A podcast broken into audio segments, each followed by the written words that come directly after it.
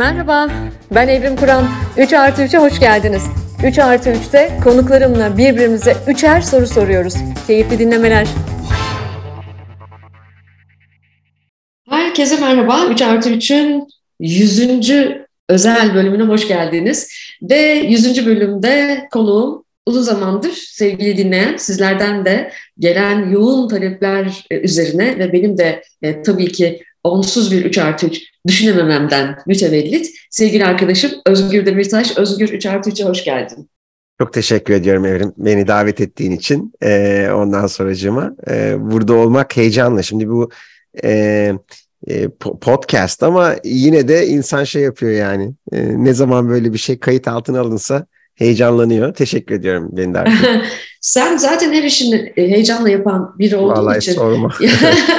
biraz yani... fazla heyecan, biraz azalması lazım yani. Evet. her işi heyecanla, tutkuyla yaptığın için onun azalacağını da hiç zannetmiyorum bu arada. Evet. Ee, o yüzden e, herhangi bir çekim, yayın, toplantı, görüşme, hatta hiç kayıt altına alınmayan bir şey de olsa e, senin duygun değişmez diye düşünüyorum. Sağ ol valla, evet.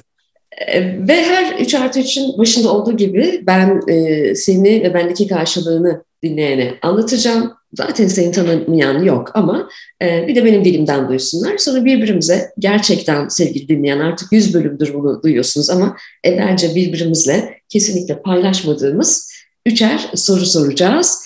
Efendim e, bu bir e, fenomen haline geldi e, belki de ama 100 bölümdür 3 artı 3'e katılanların ee, çok önemli bir kısmı, gerçekten özellikle seçmiyorum ama belki de kalp kalbe karşı geliyor. Çok önemli bir kısmı Ankara'da dünyaya gelmiş insanlar.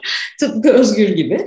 Ee, bunu Ankara'da olduğum için yapmıyorum sevgili dinleyen ama denk geliyor. Özgür de Ankara'da dünyaya geldi ee, ve sonra İzmir'e geçti. İzmir Atatürk Lisesi'ni birincilikle bitirdi. 1998'de Boğaziçi Üniversitesi Elektrik Elektronik Mühendisliği bölümünü tamamladı ve Boston College'daki çalışmalarını da 2003'te tamamlayarak 27 yaşında finans alanında doktorasını kazandı. Aynı sene New York'ta New York'ta yardımcı doçent pozisyonunda aynı sene göreve başladı ve e, öğretim alanında 2003 yılında finans bölümü içerisinde, 2004 yılında ise işletme fakültesinde e, Baruch College City University of New York'ta e, en iyi öğretim üyesi seçildi.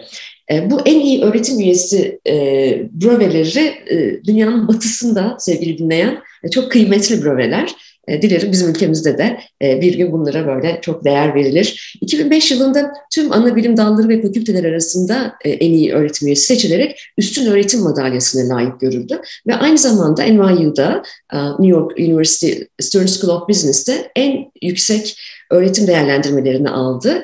2007 yılında doçent ünvanını kazanarak City University of New York'ta kalıcı bir akademik pozisyon elde etti ve 2010'a geldiğimizde e, öğretim alanında Amerika Birleşik Devletleri, İngiltere, Kanada ve İskoçya'da 1 milyon profesör arasında yapılan 10 milyonu aşkın öğrencinin değerlendirmeleri sonucunda ilk 20 içerisinde gösterildi. E, bunun özellikle altını çizmek istiyorum. Çünkü 10 milyonu aşkın öğrencinin değerlendirmeleri sonucunda kısmı çok kıymetli. Biz de sevgili dinleyen biliyorsunuz son 11 yıldır dünyanın 61 ülkesinde 1,5 milyon üniversite öğrencisinin değerlendirmesiyle şirketleri, şirketlerin algısını ve sektörlerin algısını ölçüyoruz. Öyle öğrenciye e, sopa göstererek veya çubuk göstererek veya işte havuç göstererek onlardan e, istediğiniz değerlendirmeyi alamazsınız. Son derece objektif değerlendirmeler bunlar. Benim için de en önemli breveler, öğrencilerin yaptığı değerlendirmeler. Ve e, akademik çalışmaları dünyanın önde gelen akademik dergilerinde yayınlandı. Aynı zamanda özel yatırım fonları hakkındaki kitabı e, Academic Press tarafından basıldı. 2004 yılından başlamak üzere araştırmaları City University of New York tarafından 6 sene boyunca ödüllendirildi. 2012 Eylül'e geldiğimizde e, Amerika Birleşik Devletleri'ndeki kılıcı pozisyonunu terk ederek benim de onunla tanıştığım Sabancı Üniversitesi'nde finans kürsü e, başkanı görevini aldı. Sabancı Üniversitesi bünyesinde yaptığı çalışmalarla Marie Avrupa Araştırma Fonu'nu kazandı.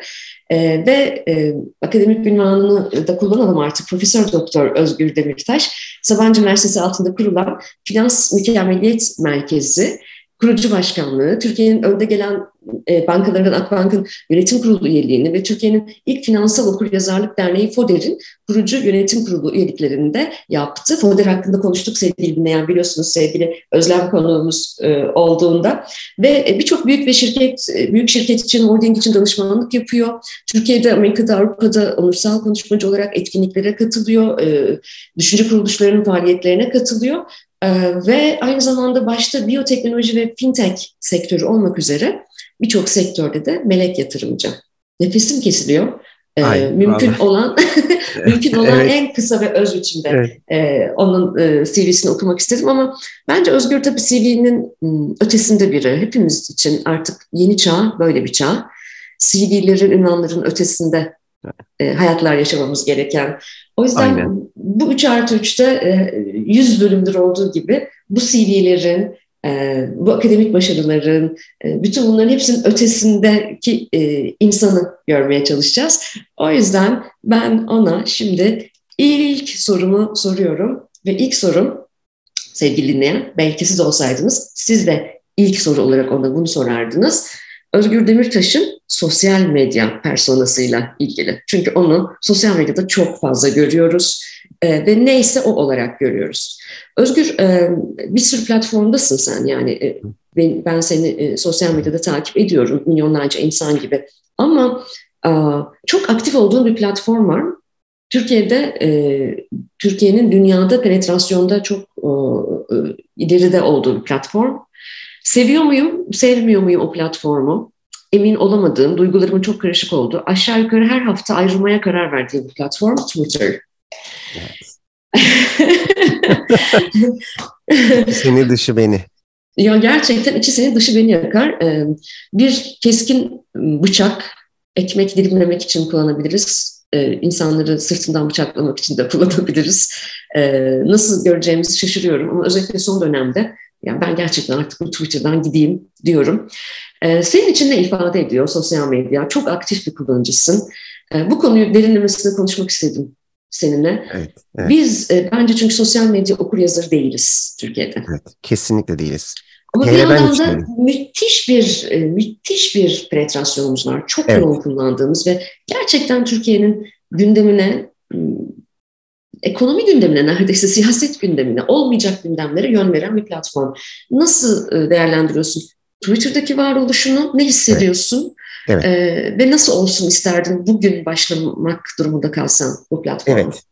E, bir kere öncelikle Evrim, e, beni böyle tanıttığın için çok teşekkür ederim. Çok sağ ol. Davetin için de çok teşekkür ederim. Şimdi şimdi biz beni buraya davet ettiğin zaman hani üç soru soracağız birbirimize ve soruları bilmeyeceğiz dedin. Ben ya acaba soruları önden bilsek mi dedim. Bir endişe duydum böyle. Heyecanlandım. Ee, ama e, evet yani ben de bana neyi sorardım? Ee, sosyal medya personamı gerçekten ilk olarak sorardım. Şimdi sorunun yanıtı şöyle. Ben bir kere bütün sosyal medya hesaplarımı kendim kullanıyorum ve maalesef bu çok belli oluyor. Çünkü son derece aslında amatörce kullanıyorum. Her defasında yakın arkadaşlarım kesinlikle bir profesyonel yardım almam gerektiğini, bunu bir profesyonel şirketin kullanması gerektiğini söylüyor. Ben de bu görüşlere katılıyorum.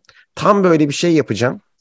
Ee, böyle üzüldüğüm zaman veya biri beni sinirlendirdiği zaman evet diyorum kesin profesyonel bir yardıma ihtiyacım var. Bir şirket yönetsin benim sosyal medya hesaplarımı. Ben onlara söyleyeyim ne demek istediğimi. Onlar e, ona göre şey yapsınlar. Ama ondan sonra bu üzülüp kızdıktan sonra biri gelip bana diyor ki ya hocam sizin şu postunuz sayesinde şunu öğrendim böyle oldu. Hayda ben tekrar diyorum ki tamam o zaman ben böyle devam edeyim. Yani böyle çok gitgelli bir bir sosyal medya kullanımım var. Ve çok amatör olduğu nereden belli? Bir, yaptığım hatalardan belli. E, sinirlenmemden, üzülmemden, sevilmemden, sevinmemden, e, sevilmememden, bütün bu duyguların bir arada yaşanmasından e, bunun amatörce kullanıldığı belli. Peki ben ne oldu yani bu Twitter nereden çıktı nasıl oldu? Ben aslında Twitter'ı çok erken hesap açanlardan değilim. E, ben Türkiye'ye gel, gelmeden önce Amerika Birleşik Devletleri'ndeyken de Türkiye ile ilgili tweetler atmaya başlamıştım yavaş yavaş. E, ondan sonracıma işte e, oradan bir e, şeyim vardı bir e, takipçi kitlem oluşmuştu. Ve e, ileriye dönük olarak e, projeksiyonlarımdan bahsediyordum. Bakın böyle böyle yaparsak bu olacak. Şöyle olunca bu olacak. Şimdi ama ben sadece bunları söylemiyorum. Profesyonel biri genelde şu yapılırsa bu olur, bu yapılırsa bu olur denir. Bazen temennilerimi de söylüyorum. Belki onu içten söylediğim için bir takipçi kitlesi oluşmaya başladı. Sonra e, söylediğim bir takım şeyler gerçekleşmeye başladı. E, tabii sonra bazı şeyler çok aşikar olmaya başladı ve insanlar ya hocam bunu biz de biliyoruz demeye başladılar. Doğrudur. E, bu doğru bir tespit gerçekten ama tabii bunu hani e, dolar TL'nin e, 1.80 iken bu 10 katına çıkacak demek başka. Dolar TL 25 iken 26'ya çıkacak demek bambaşka. Yani bunlar e, iki ayrı şey. Yani o dönemlerde Türkiye'nin ekonomik olarak bu kadar kötü bir yere evrileceği gerçekten çok fazla gözüken bir şey değildi. Zorluk çekeceği gözüküyordu ama e, bu kadar kötüleşeceği hem de dünyada bu kadar bol para varken bu kadar kötüleşeceği çok düşünülen bir şey değildi. Yani bu şunun gibi bir şeydi. Bir koşucu var arkadan rüzgar esiyor hem de şu ana kadar etmeyen kadar kuvvetli bir rüzgar esiyor.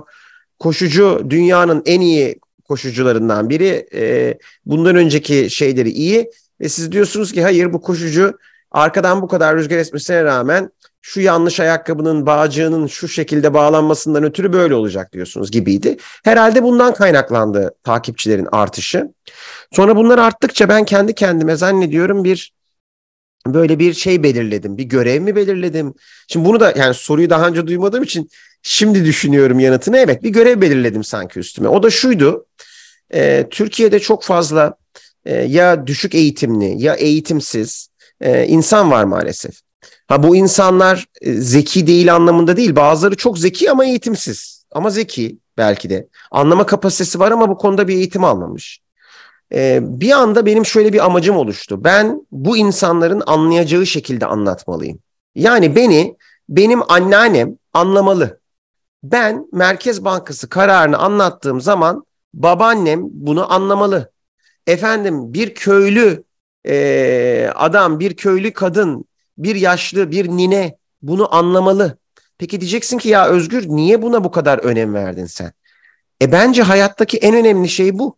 Zaten insanlar anlasa yani o zaman zaten her şey çok iyi olmaz mı?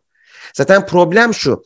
İnsanlar anladığı anda biz zannediyoruz ki problem siyasetçiler.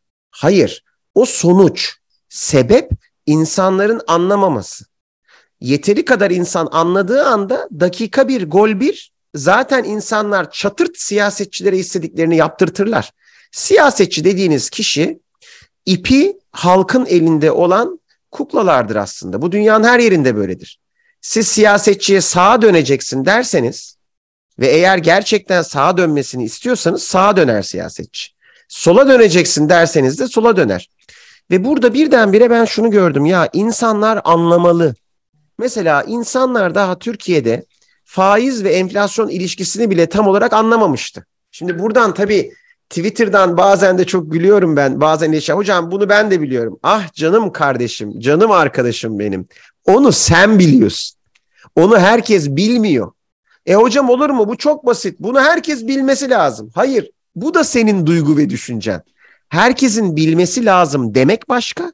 Herkesin bilmesi veya bilmemesi başka. Herkes bilmiyor, çoğunluk bilmiyor. Çoğunluk bilse Zaten Türkiye böyle hatalar yapmazdı. Bilmiyordu. Ha şimdi biliyor artık ama. İki nedenden dolayı. Bir ben ve benim gibi insanlar babaannelerimizin anlayacağı şekilde bunu indirgedi ve anlattı. İki Türkiye yaptığı hataların badiresini ve şeyini çekti maalesef. Enflasyon olarak çekti, pahalılık olarak çekti. Mesela demek ki neymiş? Faiz inince enflasyon inmiyormuş değil mi? He, bunu uzmanlar zaten biliyordu. Bunu iyi eğitimliler zaten biliyordu. E, bunu konu hakkında okuyanlar zaten biliyordu. Ama bunu toplumun büyük bir kısmı bilmiyordu ve artık biliyor. Yani iki nedenden dolayı biliyor dediğim gibi. Bir basit anlatıldığı için bir de bundan. O yüzden benim sosyal medyadaki presence'ım sadece olayları basit indirgerek anlatmak değil. Ben iyi bir öğretmen olduğumu düşünüyorum aynı zamanda. Ve bu öğretmenliğim ta çocukluğumdan geliyor benim. Ee, çok geçmiş yıllara dayanan bir şey. Ben lise yıllarında hatırlıyorum e, sınıfı kapatırdık ve ben lise arkadaşlarıma sınavdan önce e, geçmiş iki haftanın dersinin tekrarını anlatırdım. Hem kendim daha iyi anlardım anlatırken hem de arkadaşlarıma yardımcı olmuş olurdum. Kendime yardımcı olmuş olurdum. Win-win bir e, kazan kazan durumu söz konusuydu. Ve e, şeydi yani nasıl söyleyeyim sana e, benim için çok e, güzel günlerdi o geçmiş günler. Onu yaşıyorum sosyal medyada bir yandan. Bir yandan basite indirgeyerek herkese bir şeyleri anlatabilme. Bir yandan duygularımı paylaşabilme. Yani ben duygularımı paylaşmayı da seven bir insanım. Yani bu duygularda sevinç, işte mutluluk, e, üzüntü, e, öfke bunların hepsini e, paylaşmak. Şimdi bakın bunları paylaşmak yani evrim aslında çok profesyonel duygular değil bunlar. Bize ne öğretilir? Profesyonel dünyada duygularını kontrol edeceksin ve paylaşmayacaksın. Yani ben bunu bu konuda çok becerikli bir insan değilim. Ee, yani ben bunu şey olarak da yapmıyorum. Ya gerçekten yapamadığım için belki yap, yapmıyorum. Yani duyguları kontrol etme, edemediğim için belki etmiyorum. Bunun bana şu ana kadar zararı oldu mu? Oldu. Yararı oldu mu? E o da oldu. Ee, yani e, şimdi profesyoneller bana kızacak tabii ki. Hocam böyle şeylerin yararı olmaz diyecekler. Ama yo oldu yani mesela nasıl oldu? Ee, benim samimi bir insan olduğumu insanlar anladı. Gerçekten çünkü ben gerçek hayatımda da böyleyim yani ben e, bazen mesela öfkelendiğim veya sinirlendiğim zaman aa bu bu adam demek ki soğuk bir insan diyorlar. E, öbür taraftan öbür halbuki o soğuk değil sıcak bir insan olduğumu gösterir. Yani soğuk insan öfkelendiğini bile fark ettirmez sana e, normalde. Yani sıcak bir insanım herhalde. Öyle doğmuşum. Öyle büyümüşüm. E, sosyal medyada da yani ben günlük hayatımda neysem oyum. E, hoşuma giden görselleri şimdi son olarak artık kendime yeni bir savunma mekanizması buldum. evet öfkelen... evet bak Oraya da gelecektim çok güzel. Araya sıkıştırayım hemen sonra evet. hakkımı kullanmamış olayım. Ee, bir yandan da son dönemlerde böyle e, çok e, çekici ve e, ah şuraya gitsem dedirten fotoğraflar da paylaşıyorsun yanı evet. sıra. Onu bir savunma mekanizması olarak şimdi daha yeni geliştirdim. O da şu, çok sinirlendiğim, öfkelendiğim, ya bu ekonomik karar yanlış, bu politika yanlış diyeceğim. Şimdi başım derde girecek vesaire. Diyorum ki Özgür bunu deme. Ne yapayım? Git bir tane manzara fotoğrafı paylaş. Git bir tane şey. Böylece tweet hakkımı kullanıyorum kendi çapımda. Hem e, böyle kendim o sırada sakinleşmiş oluyorum. Hem insanlara bir de şunu da göstermek istiyorum. Bak neler var. Bak gördün mü? Neler neler var. Yani e, o yüzden doğruları eğer yapacak olursak bu tip yerlerden hepimizde olabilir. Ben sadece küçük bir zümrenin bunları almasını istemiyorum. Ben hep beraber kazanabilmek istiyorum ve bunun altında evrim yıllar önce lise arkadaşlarıma ders anlatırken sadece ben yüksek puan almayayım herkes alsın. Öyle bir duygu var yani bende büyük bir mutluluk kaynağı oluyor. Yani birden fazla olarak başardığımız zaman bir şekilde bana böyle bir DNA verilmiş herhalde. Böyle bir genim var herhalde e, sarmalımın içinde DNA sarmalımın içinde. O gen bana hep beraber mutluluk anında bir e, bir e, dopamin salgılıyor vücudum herhalde diye tahmin ediyorum. Uzmanı değilim bu işin. Ve o beni çok mutlu ediyor. O evleri, o manzaraları, o müthiş architecture e, mucizelerini gösterdiğim zaman da diyorum ki bak e, bunları bunları bir kendimi koruyorum kötü bir şey atmaktan. İki bakın arkadaşlar yani bunlar da var. Böyle hayatlar da var. Yani ve bunlara aslında küçük bir zümrenin dışında da ulaşmanın yolu var diye e, şey yapıyorum diyelim. Buradan ben şimdi sana sorma geleyim o zaman. Evet süper. Bu arada ben e, e, kendimle gurur duydum. E, sana sormamıştım. Yani bu yayına bırakmıştım. Niye bu fotoğrafları paylaşıyorsun sorumu. evet. e, demek ki doğru anlamışım. Eminim bir sürü takipçi de doğru anlamıştır. Ya böyle bir hayat da mümkün diye esler veriyor aslında Özgür. Alakasız fotoğraflar değil onlar. Değil, İnsan olarak hak ettiğimiz hayatları bize gösteriyor evet. o fotoğraflarda. Çok güzel oluyor. Çok yerinde oluyor. Ellerine Yok sağlık. Şey, devam et.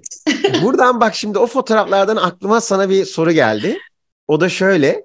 E, şimdi tabii o tipteki evler benim bu görselleri görmeyenler de şimdi bu podcast'i dinledikten sonra gidip bakarlar belki arada. Yani böyle harika evler. Öyle böyle değil. Yani bir mühendislik, bir mimari harikası yerler bunlar ve doğa resimleri de var aralarında. Şimdi tabii böyle evler, böyle doğalar dediğin zaman aklına Kanada geliyor yani bir şekilde.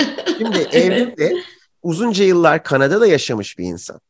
Ben o yüzden Evrim'e şeyi sormak istiyorum. Kanada vs. Türkiye bize artılarını ve eksilerini söyler misin? Ama yani Türkiye'ye de full eksi yazmayalım kesinlikle. Türkiye ülkemizin de çok büyük artıları var yani. İnanılmaz doğa, inanılmaz sahiller. Yani iki ülkede gördüğün e, karşılaştıracak olursak eğer birbirlerine üstün oldukları alanlar nelerdir? Onları sana sorayım. Güzel soru çünkü e, bu da yine sosyal medyada e, sanırım Trudeau'nun çoraplarından başlayarak romantize edilen bir konu Kanada. İşte Kanada'nın ördekleri, kazları, Trudeau'nun çorapları gibi e, romantize edilen bir konu. E, güzel bir soru çünkü e, sevgili dinleyici biz e, bunlar evergreen yayınlar e, uzun yıllar dinleniyor ama biz bu yayını e, Temmuz ayının ortalarında çekiyoruz ve e, Özgür Türkiye'de şu an ben Kanada'dayım. e, bir kısa bir süre önce geldim. E, arada böyle geliyorum buraya. Ve e, Türkiye'nin çok kırılgan olduğu ve biraz da yorgun olduğumuz bir dönemde normalde yazları gelmeyi tercih etmiyorum ama bu yaz böyle bir geldim. E, ve e, dün akşam e, benim gibi göçmen olan e, aslında e, Kore asıllı Koreli bir e, avukat dostumla yemekteydik ve e, aynı duyguyu o da benimle paylaştı. Yani bu soru etrafında konuştuk. Aynı duyguyu o da paylaştı. E, öyle enteresan bir ülke ki Kanada. Mesela benim çok ihtiyacım vardı bu dönem gelmeye. Çünkü e, bir kere bizim ülkemizle kıyaslandığında e, benim çok huzur bulduğum, çok huzurlu bir ülke. Doğasıyla, e, yaşam şartlarıyla her türlü çok huzurlu bir ülke. Fakat bir bir Türk için bu huzur 15 gün sonra fena halde sıkıcı olmaya başlıyor. Hı. aşırı derecede e, regülatif diyeyim. Yani her şeyin regülasyonlarla e, planlandığı bir ülke. Ve gerçekten Kuzey Amerika kıtasında olmakla beraber Amerika'ya hiç benzemiyor. Amerika ile hiçbir alakası yok.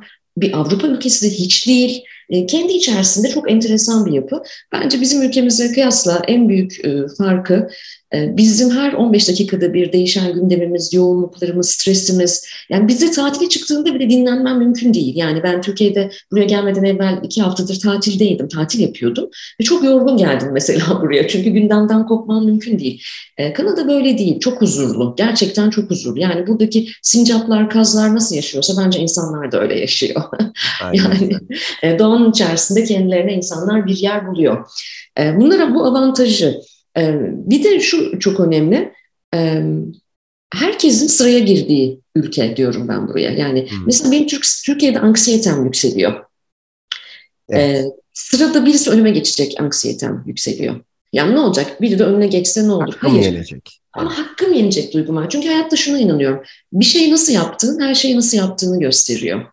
Evet. Ve Türkiye'de bizim yaşadığımız e, günlük hayatı hiç e, ekonomi veya politikaya girmeyeceğim bugün hı hı. Bu, bu sohbette. Ama bizim yaşadığımız hayatı çok güzel özetliyor bu. İnsanların sıraya girme kültürünün olmaması. Yani evet. mutlaka bir yerde aradan birinin e, senin sıranı alacak olması. Bak bunu sen de çok uçuyorsun, çok sık seyahat ediyorsun. E, havalimanlarında bile görüyorsun değil mi? Yani o anonslar bilmem neler hiç işe yaramıyor. İşte şu, şu bu numaralı koltukları önce alacağız, şunları şimdi alacağız, bunları şu.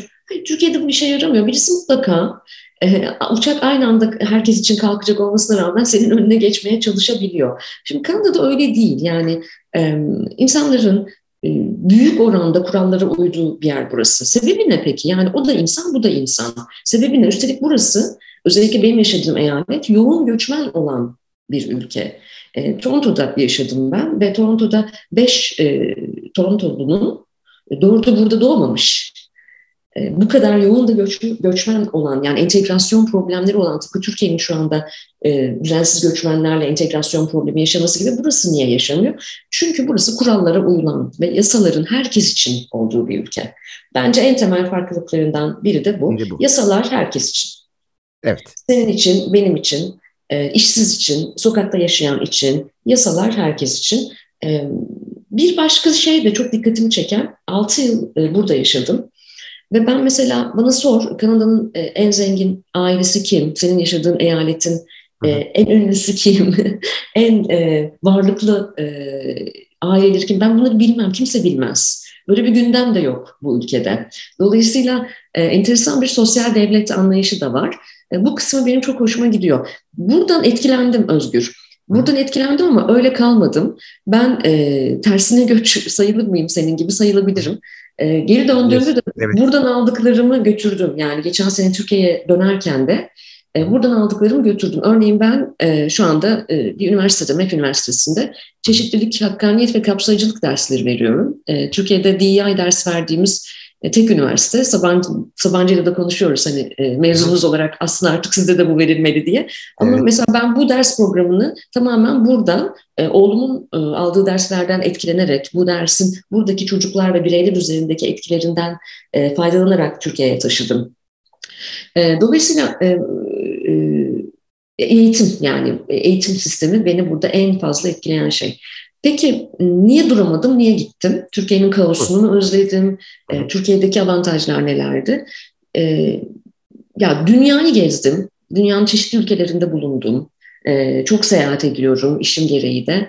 E, ama e, yurdum insanının ah, yurdum insanının dokunuşu, sıcaklığı, bakışı. Çok başka değil mi? Bunu tarif etmem mümkün değil. Evet. Bu da romantik bir konuşma değil. Hani ee, bazen seni de linç ediyorlar. Ee, bazen beni de böyle e, senin kadar olmasa da etkileşimim benim.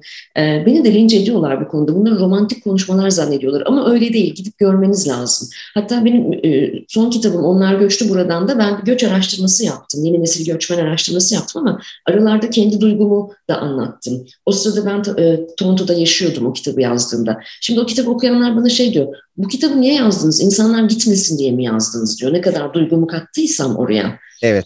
E, gitmesin, geri dönsün diye mi yazdınız diyor. Hayır ben sadece duygumu kattım. Yani ben çünkü anlatıyla araştırma e, sevdirmeye çalışıyorum insanlara bir araştırmacı olarak. Ve evet.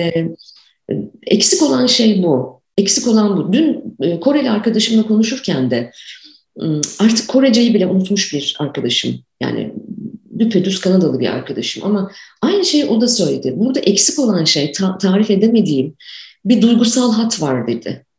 Hı hı. Yani herkesin birbirine sürekli teşekkür ettiği, Kanadalılar biliyorsun teşekkür etmekle özür dilemekle meşhur bir toplumdur. Evet. Herkesin birbirine teşekkür ettiği, gülümsediği, asansörde mutlaka selam verdiği bu toplumda duygusal bir hat eksik. Evet. İşte ben onu Türkiye'de buluyorum. Evet. Kızdığımda, coştuğumda, kavga ederken ben onu Türkiye'de buluyorum ve ben deprem sürecinde de e, bir süre buraya geldim. E, bur, buradaki yardımları da oradan da koordine ettim. Bir süre buraya da geldim, Kanada'ya da geldim falan. E, bu inanılmaz bir şeydi. Depremde de gördüm bunu. Burada insanlar e, taziye evleri yapmışlardı. Taziye evleri geziyorlardı. 8500 kilometre uzakta. Evet. E, bu, bu çok acayip bir duygu. O yüzden e, burada dünyanın bu, bu tarafında, Kuzey Amerika kıtasındaki eksik olan şeyin bu olduğunu düşünüyorum. Ve mesela benim oğlum artık neredeyse e, Kanadalı, Türkiye'de çok daha hayatında az zaman geçirdi, geçiriyor. E, buranın, Kanada'nın bir parçası. Ama e, aynı şey o da söylüyor Özgür biliyor musun? Başka bir jenerasyon, 16 yaşında. Ama o da aynı şeyi söylüyor. Sadece evet. o hattı, o duyguyu, o coşkuyu özlediğini. Evet, Türkiye'de kesinlikle. Söylüyor. Çok benzer düşünüyoruz burada. Yani Türkiye'deki o duygusallık, o can, içtenlik, yani bütün e, şeylerin böyle üstünde bir yerde ki e, bizi geri dönmeye e, itiyor. E, çekiyor yani bir başka deyişle. E, Kesinlikle yani e, bana mesela benim döndüğüm döneme bakıldığında hep şey diyor insanlar ya herkesin gittiği dönemde sen döndün. E, evet. Ben de tam da bu yüzden döndüm diyorum. Yani çünkü tam da böyle bir dönemde benim orada bu çalışmaları orada yapmam gerekiyordu. Çünkü gerçekten Kanada'nın bana ihtiyacı yok. Tabii. E, benim yaşam amacımı gerçekleştirmem açısından da. Ama şey de çok e, e, üzücü tabii. Burada e, burada mümkün olanların kendi ülkemde de mümkün olmasını istiyorum. Burada sokakta herhangi bir insanı çevirsen bizim eyaletin başında kim var desen kimse bilmez. Evet. Ama Türkiye'de ortalama insan eğitim seviyesi ne olursa olsun e, neredeyse herhangi bir partinin parti meclis üyelerini bile sayabilir. Bile sayabilir. Yani Doğru. Bırak e, mecliste aktif görev alan siyasetçileri. Doğru. E, o yüzden birazcık daha politikayla az ilgilenilen, günlük yaşamla, o güzel evlerle daha çok ilgilenilen bir ülke olmak mümkün mü? E, umarım bu mümkün olur. Yani bu bu senin de az önce söylediğin şeye ben de çok inanıyorum. Hep de şunu söylüyorum, seçmen siyasetçiden büyüktür. Türkiye bunun henüz farkında değil. Siyasetçinin seçmenden, halktan daha büyük olduğunu, büyük olduğunu düşünüyorlar. Evet, maalesef. Ama Kanada'nın en büyük farkı Kanada'da seçmen siyasetçiden büyük. O yüzden evet. siyasetçiyi tanımıyoruz. Seçmeni tanıyoruz ama. Evet, evet. Kesinlikle katılıyorum bu dediğine.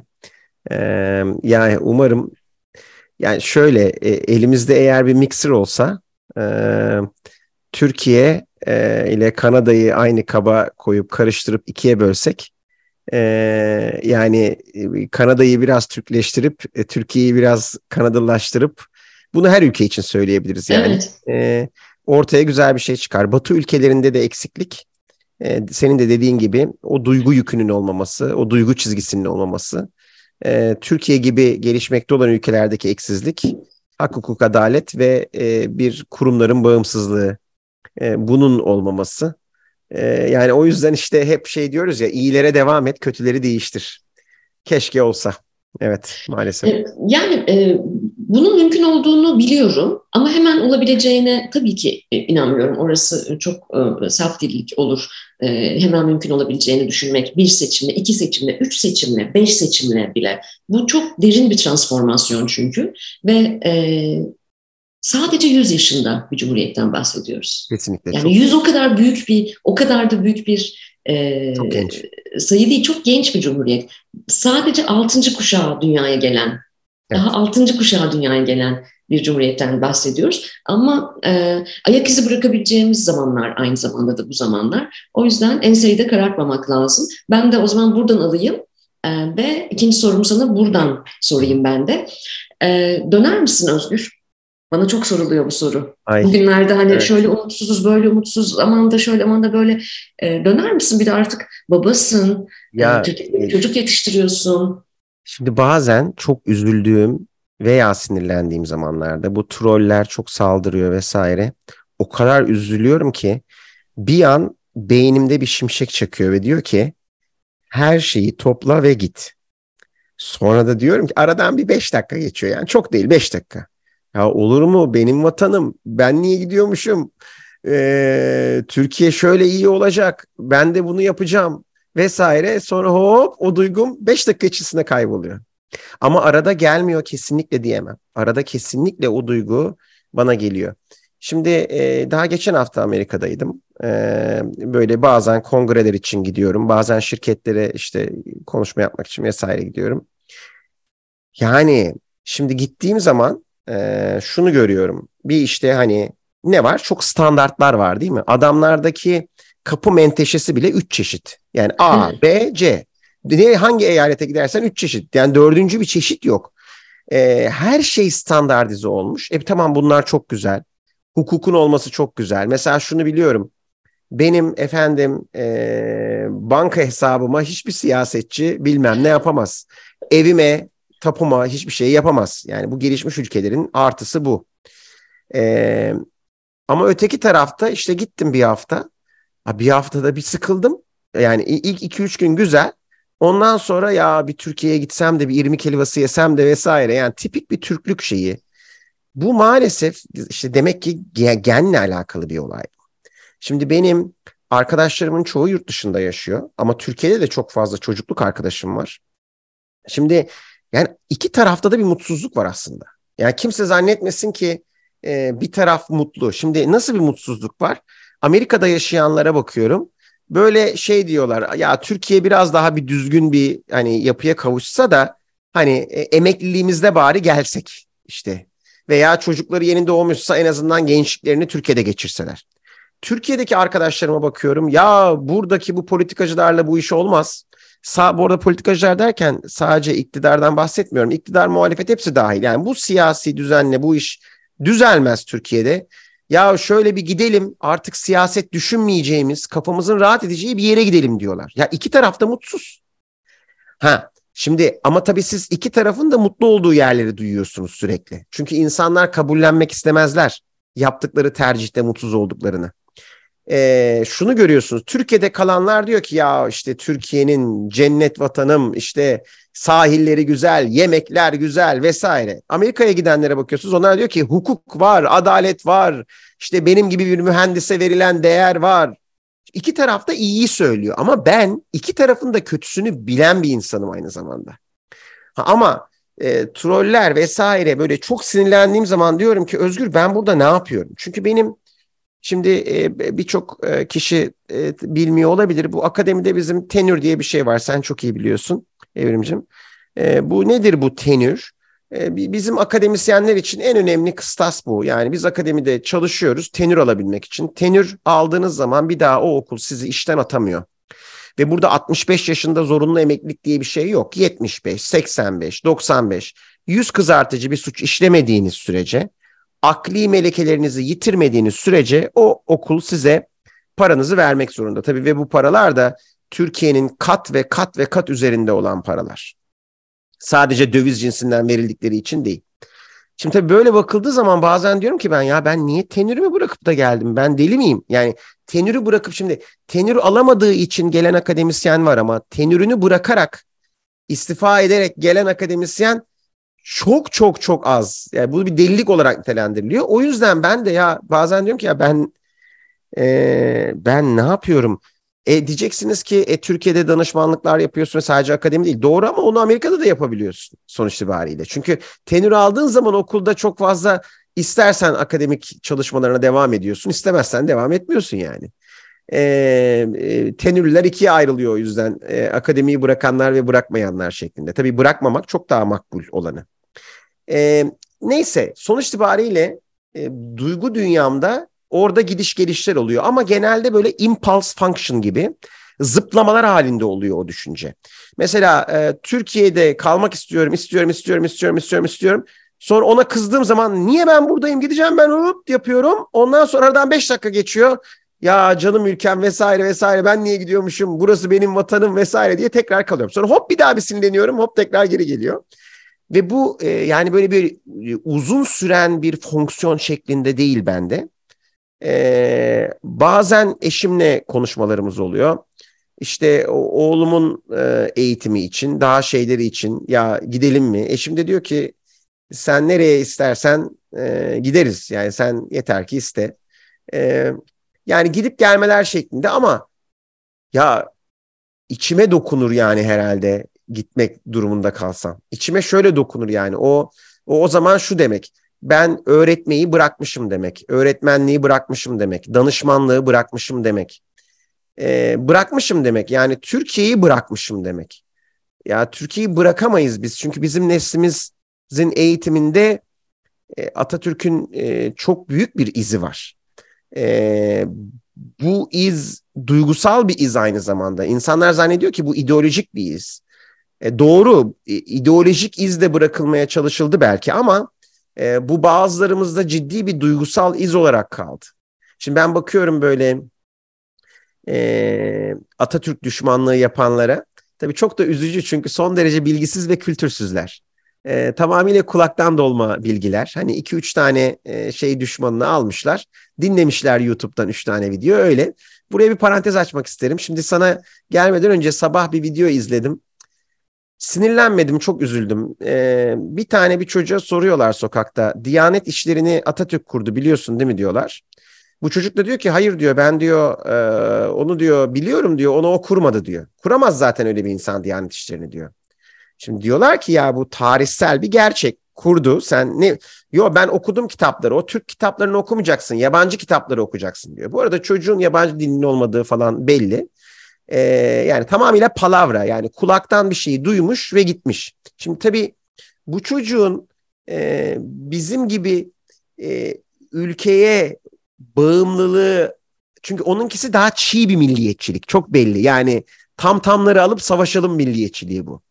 E, vatanperverlik çok farklı bir şey. Yani vatanperverlik milliyetçiliği içeren ve ondan çok daha büyük bir kavram e, benim gözümde. Şimdi tabii hani ikimiz de kırmızı renge bakarız ama ikimizin aynı rengi gördüğü belli olmaz. Vatanperver dendiği zaman aynı şeyi anlamayabiliriz. O yüzden anlatma ihtiyacı duyuyorum. Bu öyle bir şey ki yani ülkeyi ve ülkeye dair olan her şeyi sevmek.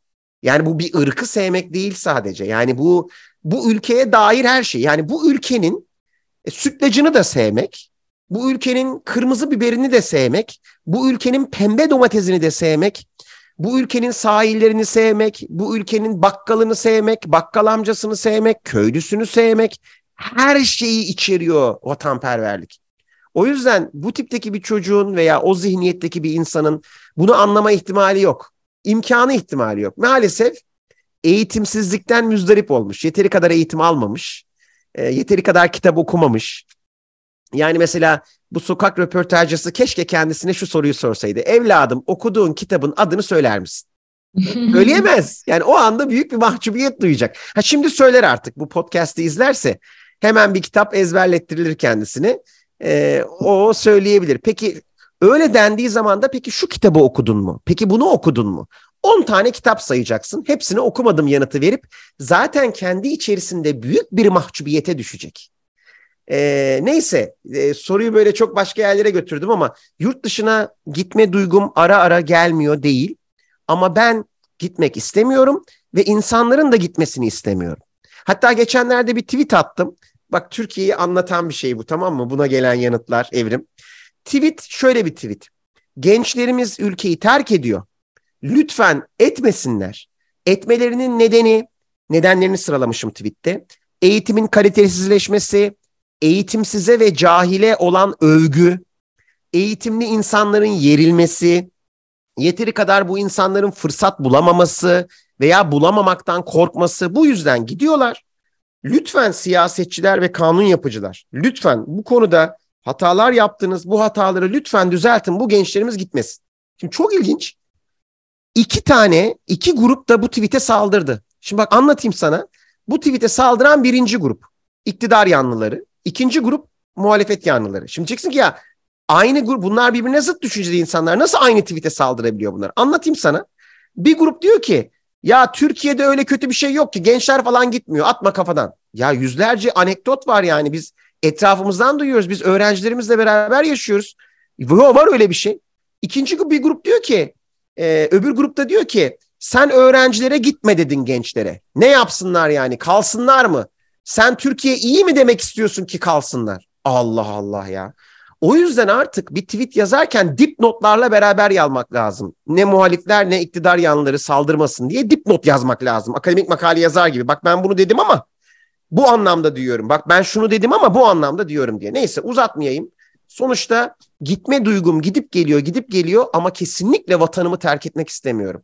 Bu ülke hepimizin ülkesi diyeyim benim sana şimdi sorum var. Ya e, yani soruna da geçmeden önce bir minik es vereceğim. Ben seni bazen Ahmet Kaya'ya benzetiyorum şu anlamda. Evet. E, Ahmet Kaya bir gün rahmetli, çok sever e, nur evet. içinde yatsın. Bir gün şöyle bir şey söylemişti. Beni solcular sevmez, beni İslamcılar sevmez, beni sağcılar sevmez. Ya kardeşim peki kim benim albümlerimi alan milyonlarca insan? İnsan. evet. Kim bu konserlerime gelen milyonlarca insan demişti. E, gerçekten öyle. Ee, e, bir şey bir şey ifade ettiğin zaman ben çok yakından takip ediyorum. Bir şey ifade ettiğin zaman sağcısı, solcusu, İslamcısı, iktidar yanlısı, efendim muhalif e, kimlikli olanı hepsinin e, gelip e, aportta bekleyip linç ettiği e, bir profilsin. E, ve e, bütün bunların çok basit, baz bir sebebi var. Memleketini çok seven bir adamsın. Ama gal- galiba geldim. biliyor musun? Yani çok ilginç şey. Bak mesela ben hükümetin yaptığı yanlışları yani artık o ya geldiğim günden beri eleştiriyorum. Yani artık daha ne yapabilirim? Ve hiçbir şeyi eleştirmek veya övmek zorunda da değilim ben. Yani ben bir vatandaşım sonuçta var. Yani eleştirsem bana bir faydası yok, övsem bana bir faydası yok. Siyasi bir insan değilim vesaire değil.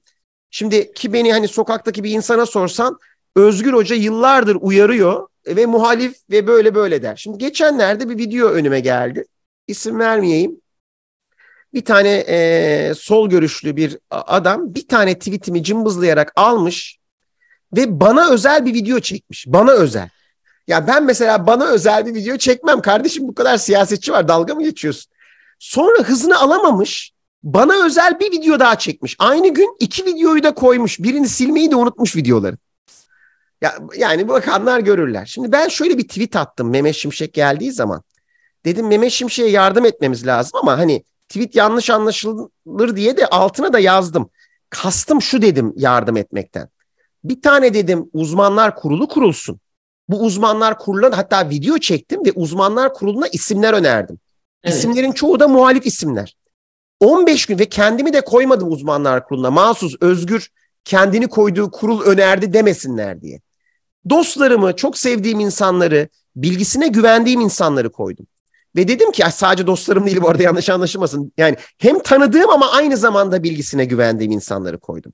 Sonra dedim ki bak şöyle yardım edilebilir. Bu kurul kurulsun 15 günde bir Mehmet Şimşek'e geçmiş 15 günü e, eleştirsin.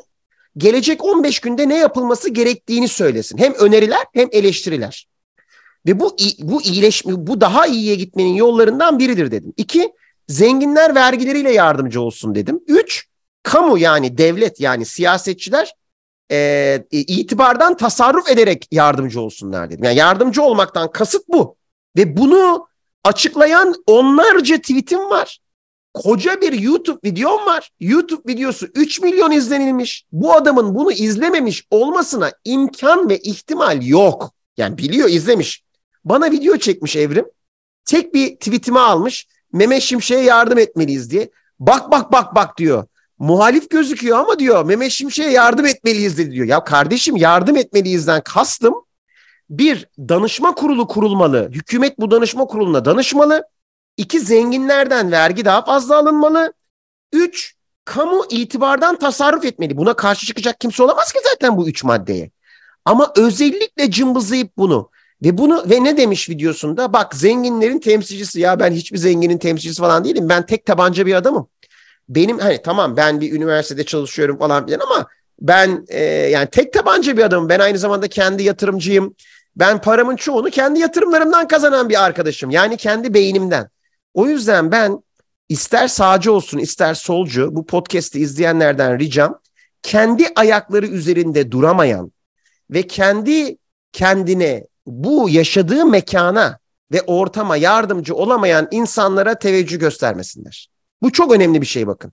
Çünkü bu tip insanlar genelde kendi kendi ayakları üzerinde duramadıkları için başkalarını destek olarak kullanma ihtiyacı duyarlar. Bu çok önemlidir. Şimdi e, hani ben de koca bir video çekip yanıt vermek isterim ama tabii ki de vermeyeceğim ve kendi kendime söz verdim. Özgür tamamıyla unut. O yüzden ismi de vermek istemiyorum. Tamamıyla unut ve geçti. Ama dediğin doğru. E, ben ya hayatımda yani iki taraf e, bazen birleşip atak yapabiliyor. Ama toplumun çoğunluğunun sevdiğini de biliyorum. Yani muhaliflerin zaten yüzde doksanı e, seviyordur söylediğim şeylerden dolayı. E, öbür tarafın da en az nereden baksan yüzde otuzu doğruyu söylediğimi biliyor. E, biliyorlar, gördüler, yaşadılar çünkü. Ve onlar da seviyor. Dolayısıyla büyük bir şey var. E, mutluyum bundan. O yüzden üzüldüğüm zaman, kızdığım zaman hep kendime bunu hatırlatıyorum. Özgür, seni bu kadar yerenleri değil, seni seven insanları düşünerek yanıt verme bak. Ama bunda başarısız oluyorum. Hep başarısız oldum zaten. Çok zayıf bir yönüm. Sırf bu yüzden dedim ki kendi kendimi kampa sokacağım. Yanıt vermeme kampı. Yanıt vermemeyi öğreneceksin. O yüzden 2023'ün ikinci yarısı için efendim size söz vermiş olayım. Özellikle 2024 için kendime de söz vereyim ve kendimi bağlayayım. Trollere yanıt verme özgür diyeyim. Trollere yanıt verme ama belki de e, kendine birkaç tane böyle kredi ver belki de. Evet. E, çünkü paketin içinde bu var. Yani ben seni e, e, günlük hayatında da bilen, gören e, kameraların olmadığı veya işte e, e, Twitter'ın, sosyal medyanın olmadığı platformlarda e, seninle oturmuş, e, sohbet etmiş, yemek yemiş içmiş biri olarak şunu söylüyorum. E, özgür bu evet. sevgili dinleyen. Yani adam bu. O yüzden e, ben de işin e, öbür tarafında e, çalışan bir profesyonel olarak asla bir e, reklam ajansı, dijital ajans, hı hı. efendim bir içerik yöneticisiyle e, çalışmaması gerektiğini düşünüyorum. Çünkü aslında bu halk bu yüzden e, seviyor Özgür'ü. O yüzden de e, mütemadiyen yani, insanlar onu e, ya siyasette görmek istiyor ya bir yerlerde görmek istiyor. Hakkında evet. en çok siyasete girecek e, dedikoduları çıkan adam. Fakat adam bu yani bu bir özgür bir proje değil. İşte değilim, değilim. Ya, Özgür, ya, yani zaten, garsonlar da e, e, fikir verir. Yani e, mesela bir gün, ev... ben bunu anlatacağım. Bir gün yemek yiyoruz. Sen hatırlamazsın belki yıllar oldu. Böyle kalabalık e, bizim Aynen işte, yemekteydik hatırladım. Ajans ajans var. Yemekteyiz. Yani normal yemek yiyoruz. İnsanlar yemek yediği bir restorandayız İstanbul'da ve e, Özgür bir şey anlatıyor. Ama böyle e, peçetelere falan yazıyor. Ve artık evet. sadece masaya değil diğer masalara falan da anlatmaya başladı. Garsonlara falan anlatıyor ve ayağa kalktı. Özgür ders vermeye başladı. Ya evet, evet. Ee, ama adam bu, yani adam e, yani bize mi şov yapıyor yani arkadaşça orada biz evet.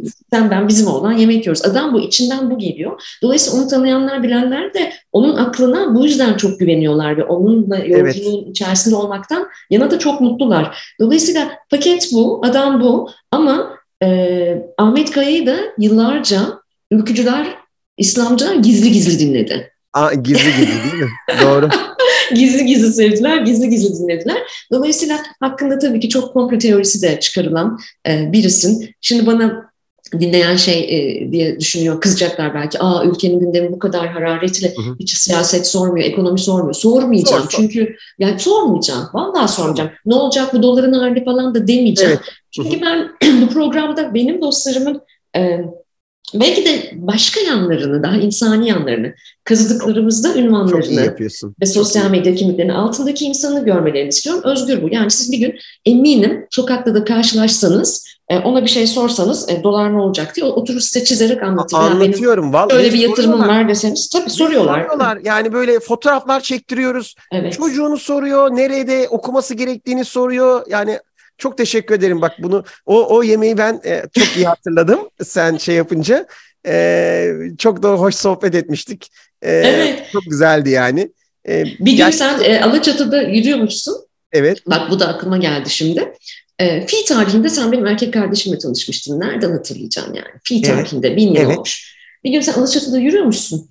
E, bir anda hani seni görmüş insanlar gelmiş, herkes bir şey soruyor, o bir şey soruyor, bu bir şey soruyor falan. Erkek kardeşim de oradaymış. Diyor ki sanki diyor bir popstar geçiyor yani yol kilitlendi diyor. Çünkü insanlar evet. Özgür'e selfie çektirmek için gitmiyorlar sevgili arkadaşlar. Soru soruyorlar. Çünkü adam cevap veriyor. Paket bu. Anlatıyor, evet. öğretiyor. Yani e, öyle bir onun e, öyle bir hali var.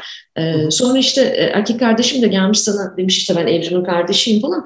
E, bu sefer bırakmışsın, bu sefer onunla da ilgilenmişsin. Ya dedim evet. ne gidiyorsunuz çocuğun yanına adam tatil yapıyor yani. İyi ki de gelmişler ya boş ver. Ve, e, bak mesela bunlar çok önemli işte o yüzden Ahmet Kaya örneğini verdi. e, adam bu. Bu böyle yani ve e, bir taraftan da bizim memleket öyle bir memleket ki her şeyin nasıl olmaması gerektiğini anlatır insanlar. O yüzden bir e, linç yangını var. O yangına e, odun atmayı biz çok seviyoruz. Özellikle sosyal medyada. E, ama Özgür e, teşekkür eder. Aynı zamanda da insanları över ve yüceltir. Onu düzenli olarak sosyal medyada takip edenler Özgür sayesinde eminim hiç tanımadıkları insanların hiç bilmedikleri yanlarını da görmüş olabilirler. Evet. Çünkü şu insan şurada şu işi çok güzel yapıyor, bu insan burada bu işi çok güzel yapıyor. Ee, ya da çok sık yapar Özgür. Lütfen bunu da örnek alalım. Evet. Bu çok mi? örnek alınız ve çok ihtiyacımız olan bir davranış. Aynen ben bu mesela şeyi çok seviyorum Evrim.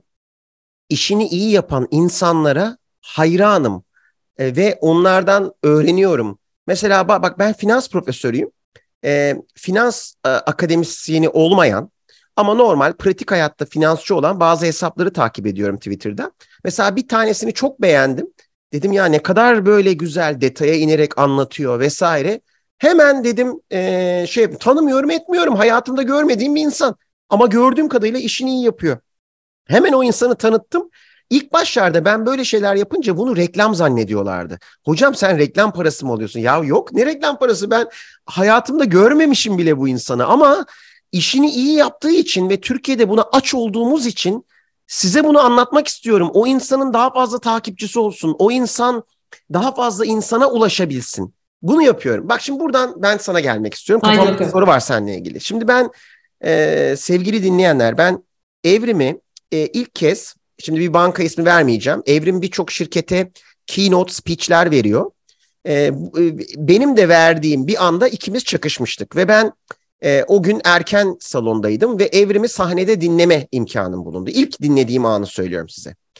E, Evrim inanılmaz e, nasıl söylesem İngilizcesi articulate yani inanılmaz böyle öyle bir anlatıyorsun ki konuları karşı tarafa böyle hani el e, el dikişi vardır böyle ayakkabılı. Çok pahalı ayakkabıların yanında elle dikerler değil mi böyle ipi? Ama böyle elle dikilmesine rağmen son derece muntazam bir dikiştir o.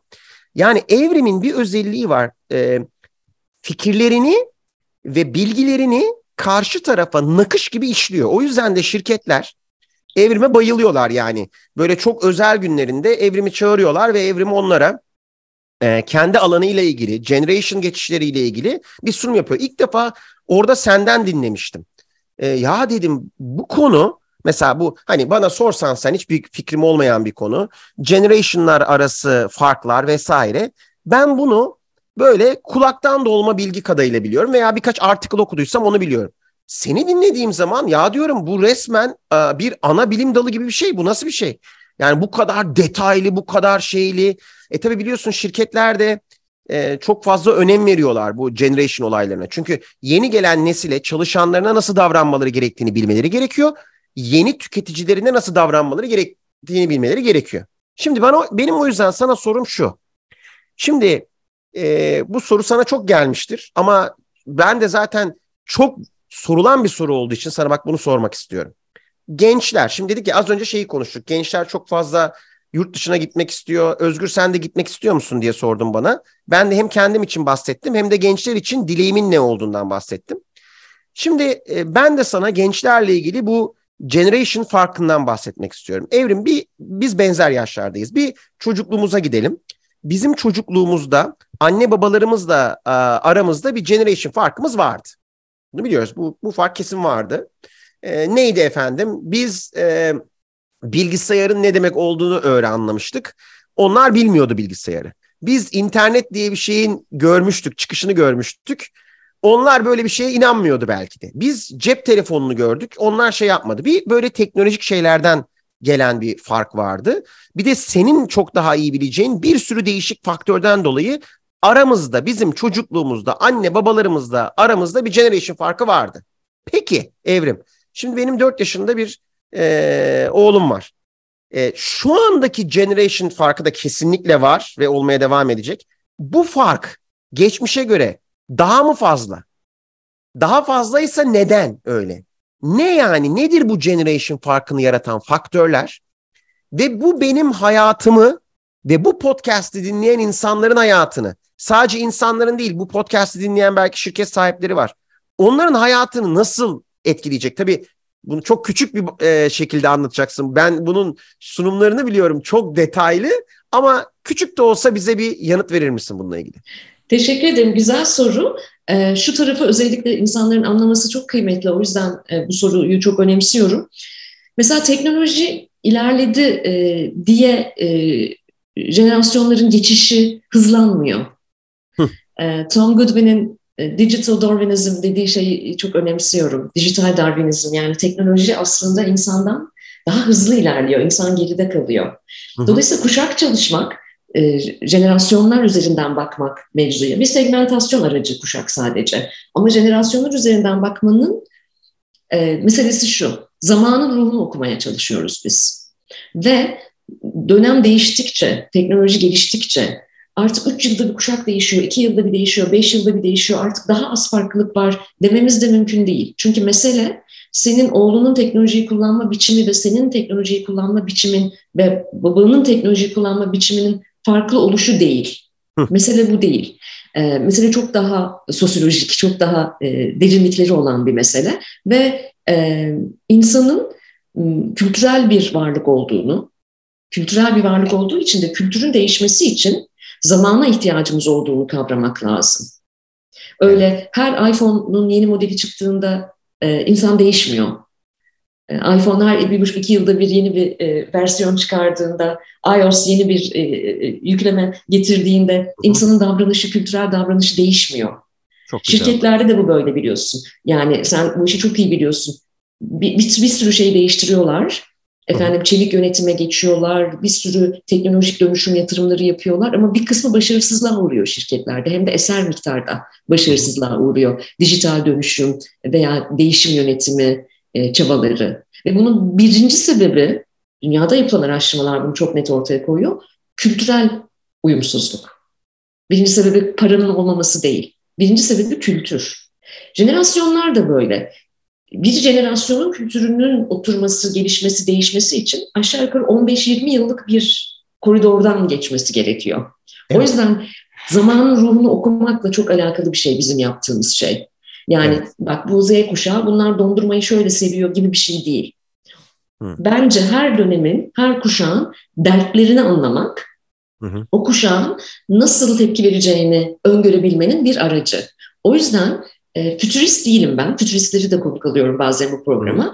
Yani ben gelecekle ilgili bir öngörü yapabilmek için sadece teknolojiyi baz almıyorum. Ben geçmişle daha çok ilgiliyim. Çünkü jenerasyonel sistemin e, atası babası olan e, bilindiğinin aksine Amerika değildir jenerasyon çalışmalarının merkezi. Başlangıç noktası orası değildir. En derin çalışmaları Amerikalılar yapmış olsa da e, İslam felsefesidir aslında kökeni ve e, doğudur e, ve ilk jenerasyonel sistem çalışmasını İbni Haldun yapmıştır. Evet. İbni Haldun'un şöyle bir ifadesi var. Zamanlar zamanlara suyun suya benzediğinden daha fazla benzer.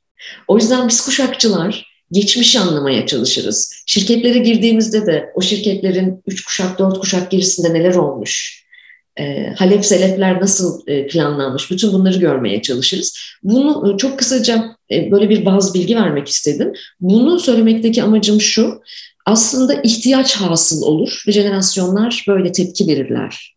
Meselelere tepki verirler. Hı hı. Çünkü insan hep kendinde olmayanın peşindedir. Dolayısıyla sen kendinde olmayanın peşinde bir kuşaksın. Yani sen daha az gördüğünü çocuğuna daha çok yapma eğiliminde olursun. Veya sen çok bana bu çok yapıldı ben bunu oğluma yapmayacağım dersin. Böyle ihtiyaç hasıl olur. O yüzden de lineer değil, sirküler bir sistemi var. E, o yüzden de e, belli kuşaklar birbirleriyle, özellikle ardıl kuşaklar birbirleriyle e, daha çok çatışabilir. E, ama döngünün tamamlandığında birbirini tekrar eden kuşaklar da ortaya çıkar. O yüzden çok da böyle kuşak çatışması demeyi sevmem. E, birlikte büyük bir zenginlik yaratabilirler e, bu kuşaklar bir arada. O yüzden farklı kuşakların temsil edildiği şirketler her zaman çok avantajlıdır. çünkü hafızası vardır. Evet. Kurumsal hafızayı tutmuşlardır ve bu çok büyük bir avantaj ve bunun teknolojiyle falan hiçbir alakası yok. Yani benim e, artık 80 yaşına gel, gelmek üzere olan babam da nefis kullanıyor teknolojiyi. E, efendim işte akıllı cihazları, akıllı telefonları, sosyal medyayı falan. E, ama o başka bir dönemin çocuğu. Onun büyüdüğü Türkiye'nin, onun yaşadığı dünyanın e, meseleleri farklıydı. Evet. Hayata bakışımız o meseleler şekillendiriyor. Senin oğlunun da hayata bakışını bugün maruz kaldığı meseleler şekillendirecek. O yüzden evet. bizim çocuklarımız, aa bu Z kuşağı neden böyle doğaya karşı böyle bir hassasiyetleri var falan diyoruz ya nasıl yani olmasın ki? Mesele var çünkü. Mesele tavrını şekillendiriyor. Şekillendiriyor. Doğru. Bütün, bütün mevzu bu. Yani bu konuda da bir okur yazarlığa ihtiyacımız var. Ezberleri Kesinlikle. E, kalıplara değil de e, okur yazarlığa ihtiyacımız var. İhtiyaç hasıl oluyor ve ben buna bir tepki veriyorum. Bu kadar basit kuşak meselesi. Hı hı, hı. Çok güzel anlattın yine. Ee, bu bu e, e, peki ben şöyle bir ara soru sormak istiyorum hemen. Hadi iki, buçu, iki buçuncu soru. peki Evrim, şimdi benim oğlumla aramda bir generational bir fark var. Ee, ben bilinçli yaklaşmam gerekiyor kendisine. Ee, bu generational farkı minimize edebilmek için benim yapmam gereken birkaç şey var mıdır kendisiyle olan ilişkimde? Ee, yoksa çok kasmamalı mıyım? Ee, çünkü şey yapmak istemiyorum. Kendi doğrularımı onun üzerine ittirmek istemiyorum. Çünkü benim doğrularım benim dönemimin doğruları. Ee, ama yine ben tabii analitik bir insanım. Acaba ben onun döneminin doğrularını düşünüp onları mı şey yapmalı mıyım? Empoze, empoze etmek kötü bir kelime ama onları mı ona anlatmalıyım? Yoksa bu generational fark olayını da benim yapabileceğim bir şey yok mu? Yani böyle kişisel anlamda, şirketsel anlamda değil de ben kişisel anlamda ne dersin yani yapmam gereken bir şey var mı? Varsa nelerdir? Yoksa o da bir bilgi benim için. Evet. Um, ben e, pedagoji de okumuş bir araştırmacıyım. Dolayısıyla işin evet. E, ebeveynlik tarafı ile ilgileniyorum. Özellikle genç kuşağa yaptığımız ebeveynlikle e, ilgili e, önemsediğim bir konu bu. Ve ebeveynler olarak e, şunu aklımızdan çıkarmamak gerekiyor diye düşünüyorum. Biz sadece ebeveyniz. E, sadece anne ve sadece babayız. Bütün rollerimizden azade. E, hiçbir şekilde didaktik bir tavrımız olmaması gerektiğini düşünüyorum. Ben de 16,5 yaşında oğlum. E, onunla olan ilişkimde eve girdiğim andan itibaren kuşak araştırmacısı olan evrimi kapının öbür tarafında bırakmaya çalışıyorum.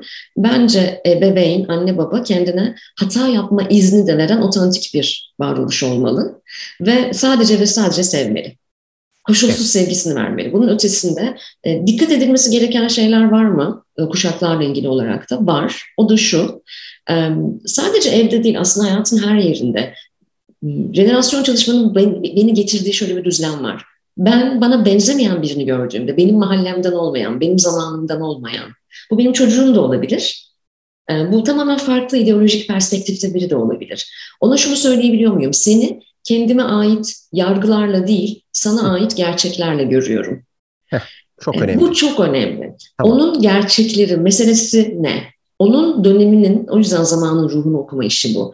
Onun döneminin gerçekleri ne? Eğer bu yoldan saparsak İki tarafında canı acıyor. Ondan sonra da adına kuşak çatışması diyoruz. İki tarafında canı acıyor. Evde de, işte de, okulda da. Yani sen bir de bir eğitimcisin. E, okulda da bunu görüyorsun zaten. Çok fazla gençlerle birliktesin. Ama e, mevzunun karıştığı yer kendimize ait yargılarla, kendi ideolojik kulelerimizden bizim gibi olmayana bakmak. Halbuki onun bağlamı farklı. Batı dünyası özellikle Ivy League okulları son yıllarda contextual intelligence, bağlamsal zeka diye bir şey çalışıyorlar. Bunu çok önemsiyorum. Bağlamsal zekaya Türkiye'nin liderlerinin de ebeveynlerinin de çok ihtiyacı var. Yani çok önemli bir konu bu. Bağlam değişti tamam mı? Artık evet. senin duygusal zekan da yeterli değil. Ee, yani IQ'un, EQ'un zaten artık bugünün meselelerini çözmeye yetmiyor. İşte CQ diyor e, Amerikalılar, Batılılar buna.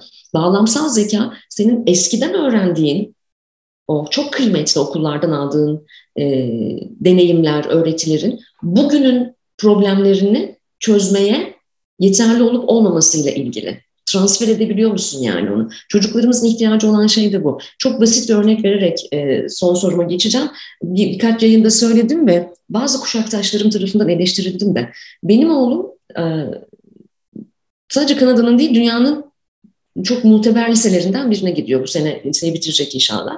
Maşallah. Ve e, o okuldan mezun olanların genelde yolu bellidir.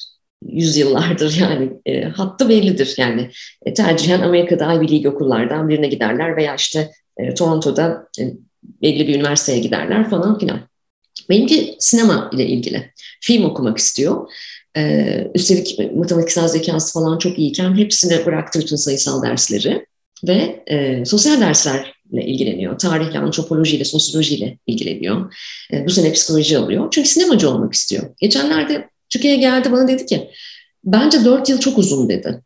Ben 18 aylık bir tane e, film okulu buldum dedi Kanada'da. Ona gitmek istiyorum, ona gideceğim ben dedi. 4 yıl üniversiteye gidersem ben kariyerimde çok geri kalırım falan dedi. Önce ben böyle bir karnıma yumruk yemiş gibi oldum. Evet. Çünkü kendime ait yargılarım var. Çünkü evet. ben Ankara'da doğmuş bir memur çocuğu anasından babasından aldığı e, en önemli miras, e, tek miras iyi bir eğitim olan e, ve Cumhuriyet kazanımları sayesinde bugün kadar kendine bir hayat inşa etmiş biriyim ve abi baktım sistem orada yoksa sarpa mı saracak? E, ben nasıl bir şeyle karşı karşıyayım? Bak bir kuşak araştırmacısı olarak önce bir endişe ettim aman tanrım o zaman ben seni neden şu şu okullara e, gönderdim, bu kadar gurbet çektik, e, gözümün önünde de okuyabilirdin. Gitmek istediği yer bir bir sertifika programı gibi bir şey, 18 ay. Ama e, derin düşünürsek haklı. 4 yıl ben şu filanca e, okula gidip şu eğitimi almak istemiyorum. Bak şimdi çok ilginç. Bak, çok enteresan değil mi bu? Şimdi bu konuda benim söylemem gereken bir şey var. Biliyorum Lütfen. uzattık ama şimdi Lütfen madem söyle. söyledin e, benim de sunumlarımda e, bazen bahsettiğim bir olay var. Diyorum ki ben lütfen 50 yıl önceyle bugünü kıyaslayalım. 40 yıl veya 50 yıl önceyle bugünü kıyaslayalım. Değişik şeyleri kıyaslayalım. Bir, e, 50 yıl önceki komünikasyon nasıl veya 40 yıl önceki ahizeli telefon, kablolu telefon. Şu anda cep telefonu, her şeyimiz cep telefonunda, sağlığımızı bile cep telefonundan ölçüyoruz vesaire. Yani inanılmaz muazzam bir gelişme. 50 yıl önce pırpır uçaklar Şimdi ses hızını aşan uçaklar. Demek ki e, ulaşımda da inanılmaz şey. Hyperloop denen olay tam anlamıyla bir devrim. Yani ulaşımda, telekomünikasyonda muazzam gelişmeler, sağlıkta. Efendim 50 yıl önce kanserin tanımı bile tam olarak belki e, hatalıyken yani bugün e, ülser denen şey ay çok üzülmüş de ülser olmuş denirken bugün bir bakteriden kaynaklı bir şey olduğu ortaya çıkıyor. Efendim rahim ağzı kanseri vah vah vah çok stres olmuş da bilmem ne derken bugün HPV'den olduğu ortaya çıkıyor. Yani sağlıkta, ulaşımda, telekomünikasyonda hepsinde muazzam gelişmeler var. Peki hala şimdi gelelim eğitime, üniversite eğitimine. Bundan 40 yıl önce üniversite eğitimi nasıldı? 4 yıl bir kampüste. Bugün nasıl? 4 yıl bir kampüste. O gün nasıl? 4 yıl önce bir kampüse gidersin, profesör denen kişiler gelir ve sana kitapta okudukları şeyi anlatırlar. Bugün profesörler gelir, kitaptan okudukları şeyi sana anlatırlar. O gün efendim profesörler kendilerinden yani okulda anlattıklarından 10 yıl önceki kitaplardan öğrendiklerini anlatırlardı. Bugün yine aynısı. Yahu dünyanın her yerinde bu kadar ilerleme olmuş. Eğitimde sadece akıllı tahta dışında bir fark olmaz mı ya? Olması gerekir halbuki. Ee, bizim sorgulamamız gerekir. Acaba 4 yıllık eğitim gerçekten gerekli mi? Acaba e, hayata dair bu kadar az şeyin öğretildiği eğitimde bazı yanlışlıklar olabilir mi? Ee, daha fazla pratik vermeli miyiz? Bu kadar üniversite belki olmalı mı olmamalı mı? Bunların konuşulması lazım. Ben kendi yanıtlarımı da vereyim. Bir, değişim olmalı mı? Kesinlikle. Dört yıl şart mı? Kesinlikle hayır. Efendim e, teknolojik bir devrim yapıldı mı eğitimde? Henüz hayır. Akıllı tahtalar falan buna kesinlikle girmiyor. O tali yol onlar yandan yandan giden yollar. Peki e, efendim pratiğe dair daha fazla bilgi verilmeli mi? Kesinlikle evet. Bak mesela Evrim ben şu anda bakıyorum Eskiden benim hayatımın yüzde yüzü akademiydi. Bugün yüzde beşi akademi. Yani bir sürü farklı iş yapıyorum. Özel hayatta da. Ee, bir bankanın yönetim kurulu üyesiyim. Kendim danışmanlık yapıyorum. Şirketlerin içine girip çıkıyorum.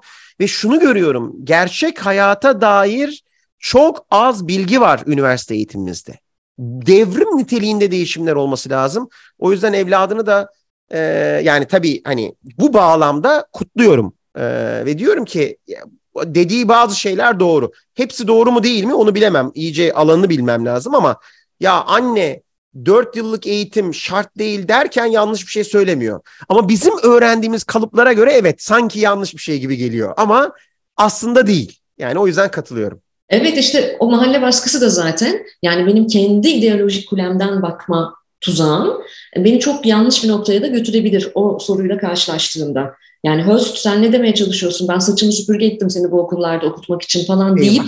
ben evet. gerçekten e, aslında geleceğin sinemacı, çok başarılı bir sinemacısını belki kaybedebilirim. Yani ben belki Hollywood'da, ben belki e, Cannes'da çifte ödüller alacak Kesinlikle. bir e, Türk sinemacıyı belki kaybedebilirim de bir yandan. Evet.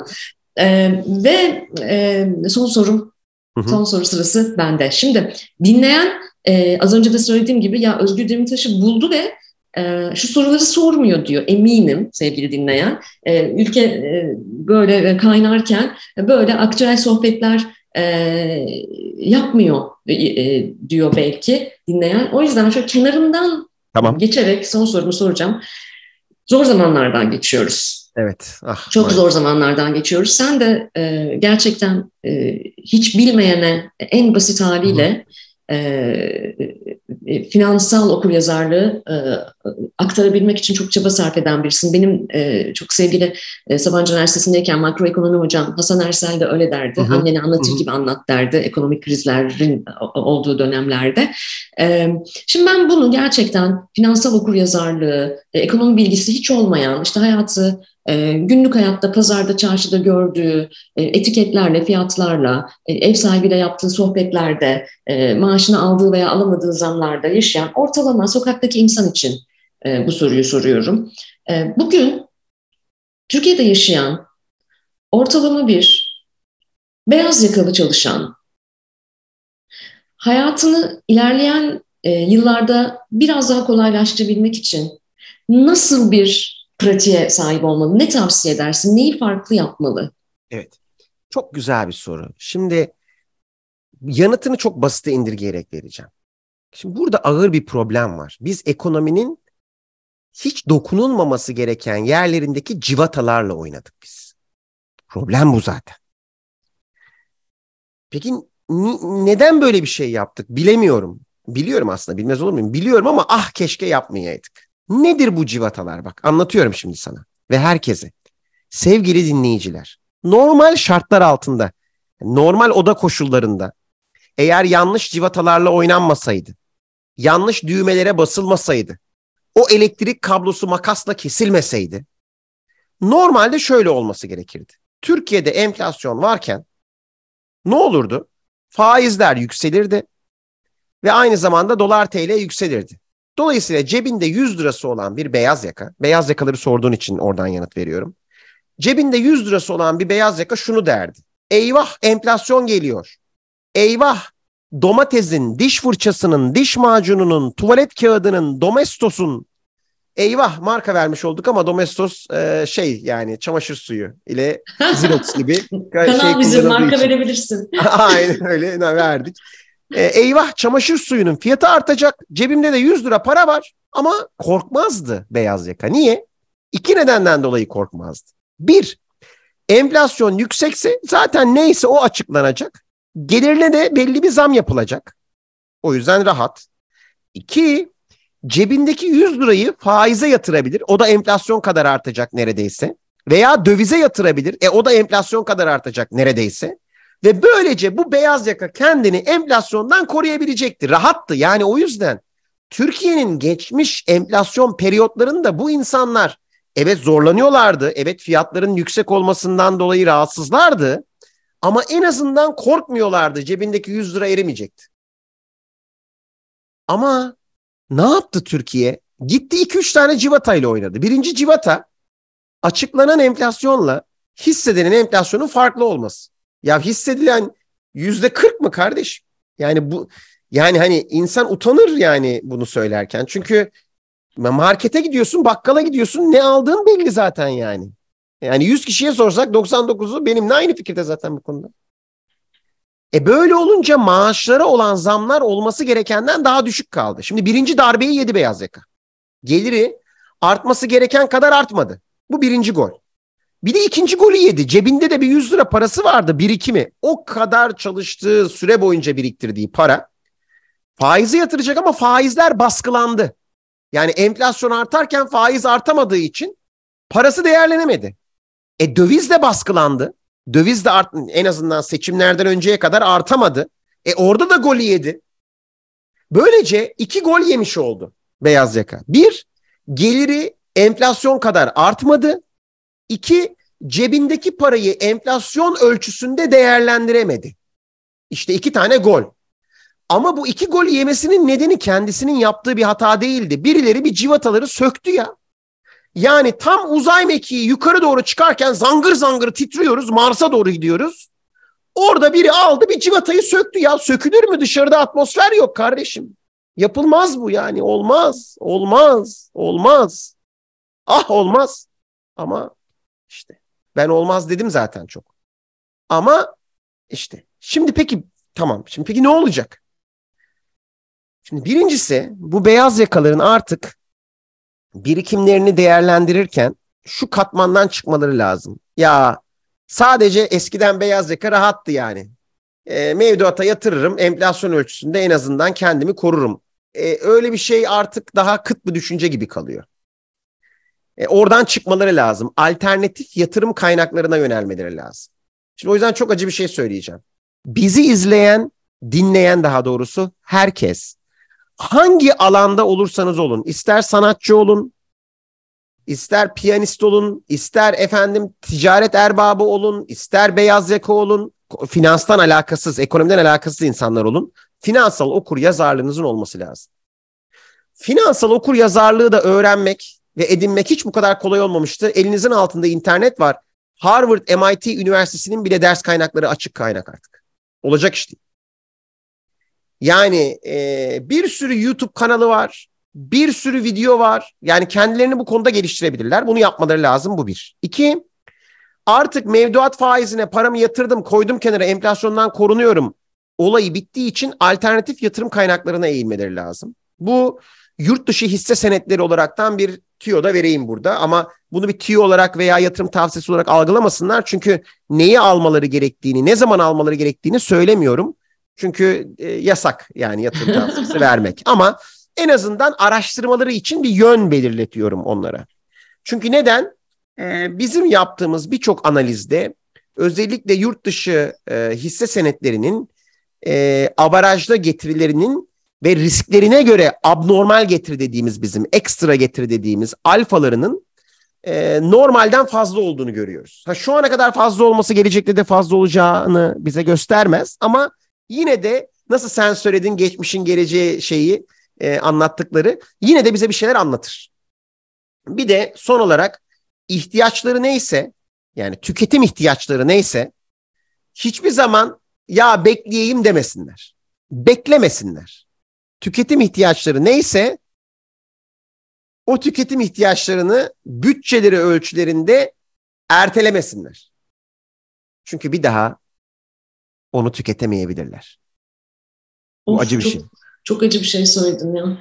Evet. Çünkü niye? Yıllar önce yine çıkmışım evrim. Şimdi bazı arkadaşlar diyor ya bunu ben de biliyorum. Ya tabii ki ne güzel sen de biliyorsan sevinirim zaten. Ama çoğunluk bilmiyor kardeşim. Çoğunluk bilse bu durumda olmazdık zaten. Şimdi ben e, bundan 10 yıl önce evrim bir televizyon kanalına çıkmışım. Dolar 2 küsür. Daha yani 2 yani düşün yani. Hiçbir şey yok. Ne enflasyon var ne bir şey var ve demişim ki bak kardeşim. Eğer faizi indireyim, doları arttırayım, malım ucuzlasın, daha fazla mal satarım demişim videoda. İki yerine dört çorap satarım, sürümden kazanırım, cari açığımı kapatırım dersen böyle saftorikçe, bak saftorik diyorum, böyle safça veya kurnazca bir metoda eğer gidersen Afrika bile Türkiye'yi 10-15 yıl sonra tokatlar geçer demiş. Söylem bu. O dönemde bunu söylemek, bunu bu şekilde söylemek, bunu canlı yayında söylemek, milyonlarca insanın önünde söylemek yani beni eleştirenler bile takdir eder ki bir şey. Ve sonuçta ne olmuş? Bugün bir bakıyoruz ya Afrika ülkelerinin para birimleri bile Türk lirasına karşı değerlendi ya. Olacak e işte al daha ne olsun.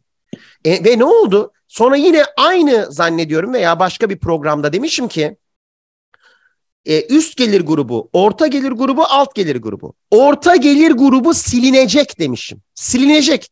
Bak bu yine çok agresif bir tahmin. Çünkü sen diyorsun ki hani zenginler daha zengin olacak demiyorsun sadece. Sen diyorsun ki bir gelir grubu yok olacak diyorsun. Ve bugün orta gelir grubunun Türkiye'de yok olmaya yüz tuttuğunu görüyoruz. Ha bu arada şimdi hakkını yemeyeyim dünyada da ağır problemler var. Dünyada da orta gelir grubunun zedelendiğini e, görüyoruz ama Türkiye'deki kadar silinmenin olduğu ülke çok az. Yani o yüzden e, tüketimleri varsa şeyleri de varsa tüketmek de istiyorlarsa eğer tüketmekten kastım temizlik ürünleri, hijyen ürünleri, ne bileyim gibi gibi gibi. Maalesef yani bunu söylerken çok üzülüyorum. Biz niye bu duruma geldik ki? Çünkü çok basitti bu duruma gelmemek. Yani çok basit bir şekilde halledebilirdik, çözebilirdik bunu. O yüzden ben Mehmet Şimşek'e yardım edelim deyip de işte danışma kurulları kurulmalı, şey yapılmalı diye onu anlatırken videomda da anlattım zaten. Çünkü altta kalanın canı çıkıyor, fakirlerin canı çıkacak. O yüzden diyorum yapalım bunu. Ee, ama dediğim gibi yani bilmiyorum e, o talepler de dinlenir mi? Umarım dinlenir. Umarım e, yapısal reformlar dediğimiz şeyler hayata geçer diyeyim ve sorunu böylece yanıtlamış olayım. Ah, evet derin bir nefes al- alıyorum. Gerçekten gözümün önünden film şeridi gibi geçti sanırım son evet. 10 da değil son 20 yılımız. Evet. Ee, maalesef maalesef. Yine yani. yine İbn Haldun'u bir kez daha hatırlıyoruz. Demişti ki evet. zamanlar zamanlara suyun suya benzediğinden daha fazla benzer. Ders almak lazım değil mi? Ama bitirmeden önce benim sana son sorum var. Son evet. soru hakkım var. Çünkü öbürü evet. iki, iki buçuğuncu soruydu. O sayılmaz. Evet, evet. Üçüncü sorumu da şöyle sorayım. Yine ipucu aldım. Az önce çünkü geçmişin geleceği etkilerinden bahsettin. E, kişisel bir soru. Evrim elinde bir fırsat olsaydı ge- geçmişte mi, şu anda mı yoksa gelecekte mi yaşamak isterdin? Oh, um, çok zor soru. Hmm, bir yandan da mesleki deformasyona düşmek istemiyorum. Ama um, romantik biri olduğundan falan değil ama ben e, şu an bir sihirli değneğim olsa bir geçmişe gidip gelmek isterdim. Yani orada birkaç ince ayarlar yapmak gerektiğini evet. düşünüyorum. ben geçmişe o yöndeydi. Evet. Çünkü az önce e, cümle arasında bir şey söyledin. Oradan aldım bunu. Tahminim dedim geçmişe gitmek isteyecektir. E, çünkü geçmişin gel şu ana olan etkisini çok iyi görebildiğin için yaptığın çalışmalardan. Ee, onu bir de o, oranın gözüyle görmek isteyeceğini tahmin etmiştim. Evet çok iyi anlıyorum. Evet yani hem kişisel olarak hem ulusal olarak e, hem küresel olarak geçmişe gitmek isterdim. İnce ayarlar yapılacak yerler var. Ee, ben hayatta başarısızlığa da e, inanmıyorum, geri bildirime inanıyorum. Yani ama almazsan yapacak bir şey yok. Geri bildir, hayat sana sürekli Doğru. geri bildirim veriyor. Bu siyasette de böyle, ekonomide de böyle, günlük hayatımızda da böyle, aşkta da böyle, her yerde böyle. O geri bildirimi almadığımız, milletçek almadığımız zamanlarda var. O yüzden e, oralarda bir ince ayar yapmak isterdim. Bana e, insanlar siyasete olan ilgimden ötürü e, her seçimde Siyasete girecek misin? Milletvekili adayı olacak mısın? Efendim hı e, bürokraside çalışacak mısın? Sorularını çok soruyorlar. Seninle ilgili zaten 1500 tane e, böyle senaryo var. Hı. İşte e, Cumhurbaşkanı olacak, yok efendim bakan olacak, şu olacak, bu olacak bilmem ne. A, ama bir kez daha hatırlatalım ki bu yayından. A, alan uzmanlığı olan insanlar siyasetten de büyükler. Ha, ha işte bu kadar ya. Yani şunu anlat, şunu çünkü Türkiye'de siyaset çok önemsendiği için siyasi biri olmanın gelinebilecek en üst pozisyon olduğu düşünülüyor. Ne alakası var? Paralelde giden bir otoban. Benim otobanımla hiçbir alakası yok. Ha, şimdi ben de her bana bu soru sorulduğunda benim siyasetle bir ilgim yok, bilgim yok, isteğim yok diyorum. Ama ne bileyim aradan 20 yıl geçer, bir kamu görevi almak isterim diye de yani şu an için böyle bir şeyim yok. Yakın gelecek için de yok. Ha, ama orta uzun vadede bir şey olur. Onu onu zaten kimse bilemez. E, ama şu an için ben diyorum ki benim siyasetle ilgili bir alakam yok. Senin için de aynısını düşünüyorum. Biz şu anda siyasete girersek köreliriz. Yani o zaman doğruları konuşamayız ki. Politika bir gün olur da değişirse maybe e sen gir de değiştir. Siz girin de değiştirin. ya bu tek kişilerin yapabileceği bir olay değil. Sistem o kadar kötü bir çark ki. Bütün dünyada bu arada. Yani eskiden tabii, tabii. şey derdik. Ya Türkiye'de siyasete girilmez ama bir e, efendim eğer bir Avrupa ülkesinde doğsaydık veya bir Amerika'da veya bir Batı ülkesinde doğsaydık demokrasinin daha yeşerdiği oranın vatandaşı olsaydık belki orada olabilirdi derdik. Artık onu da diyemiyoruz çünkü dünyanın dört bir tarafında inanılmaz popülist politik e, politikacılar da belirmeye başladı. Bize ait bir yer değil orası diye, diye görüyorum yani. Aynı şeyi de senin için de görüyorum bu arada. Ee, öyle. Bu tabii ki bizim e, siyasetle ve memleket meseleleriyle alakamızın olmadığı anlamına gelmiyor. Tam tersi. E, siyasetin bir meslek olarak algılandığı bir ülkede e, özgür gibilerin yapabileceği ve yaptığı çok daha fazla şey var. Bunun özellikle yayının sonunda altını çizmek istedim ve e, biz dinleyen e, insanlar adına, dünyanın 77 ülkesinde bizi dinleyen Türkiye Cumhuriyeti vatandaşları adına da sana teşekkür etmek istedim. E, çünkü o bulunduğun yer gerçekten çok siyaset üstü bir yer. E, siyasete bir gün girersen de e, başımızın üstünde yerin var, ayrı konu. E, dilerim Türkiye siyaseti o aşamalara gelir. Ama bugün yaptığın şey çok kıymetli. Bugün yaptığın şey şov değil, bugün yaptığın şey şövalyelik değil. Bugün yaptığın şey sevilmemeyi göze almak. O da Aynen her yiğit harcı değil. E, o yüzden çok teşekkür ediyorum. Çok ben yoğun bir e, döneminde vakit ayırdın, geldin. E, 100 bölümümüzü taçlandırdın. Ee, beni çok mutlu ettin Özgür. Her zaman olduğu evet. gibi. Arkadaşlığın için, desteğin için çok teşekkür ediyorum. Ve ben normalde müzisyenleri, sanatçıları e, programı aldığımda e, bir şarkı armağan etmelerini istiyorum. E, evet. Biz yayından çıkalım ve dinleyen o şarkıyı dinlesin diye. Ama bugün sana da bunu söylemek, sormak istedim. Tamam. Biz şimdi yayından çıkınca hangi şarkıyı dinlesin 3 artı 3 dinleyicisi?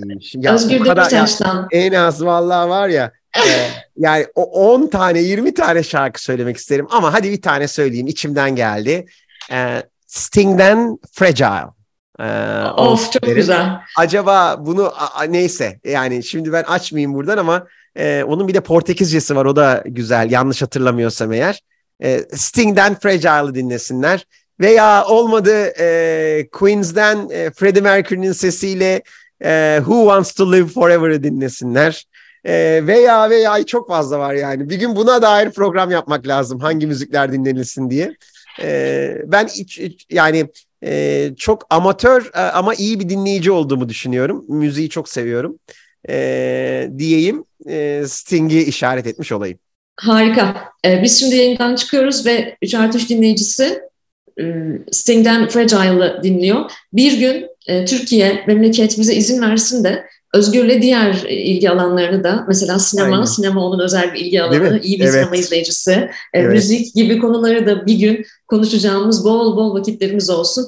Özgürcüğüm mutlu bir yaz, sağlıklı bir yaz olsun senin için, sevgili ailen için. İyi ki geldin, Aynı teşekkür şekilde. ederim. Aynı şekilde Evrim, beni davet ettiğin için çok teşekkür ediyorum sana. Çok güzel sohbet ettik. Çok teşekkürler.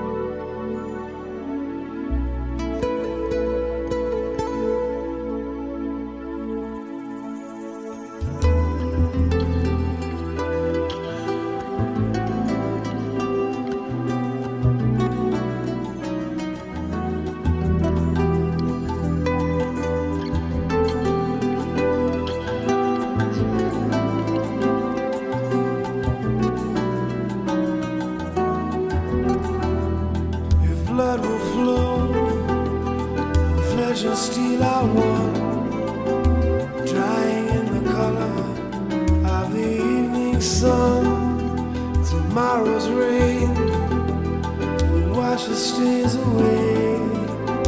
Something in our minds will always stay. Perhaps this final act was meant to clinch a lifetime's argument that nothing comes from violence, that nothing ever could. For all I was born beneath an angry star. Lest we forget how touch how we are. On and on the rain will fall like tears from a star, like tears from a star.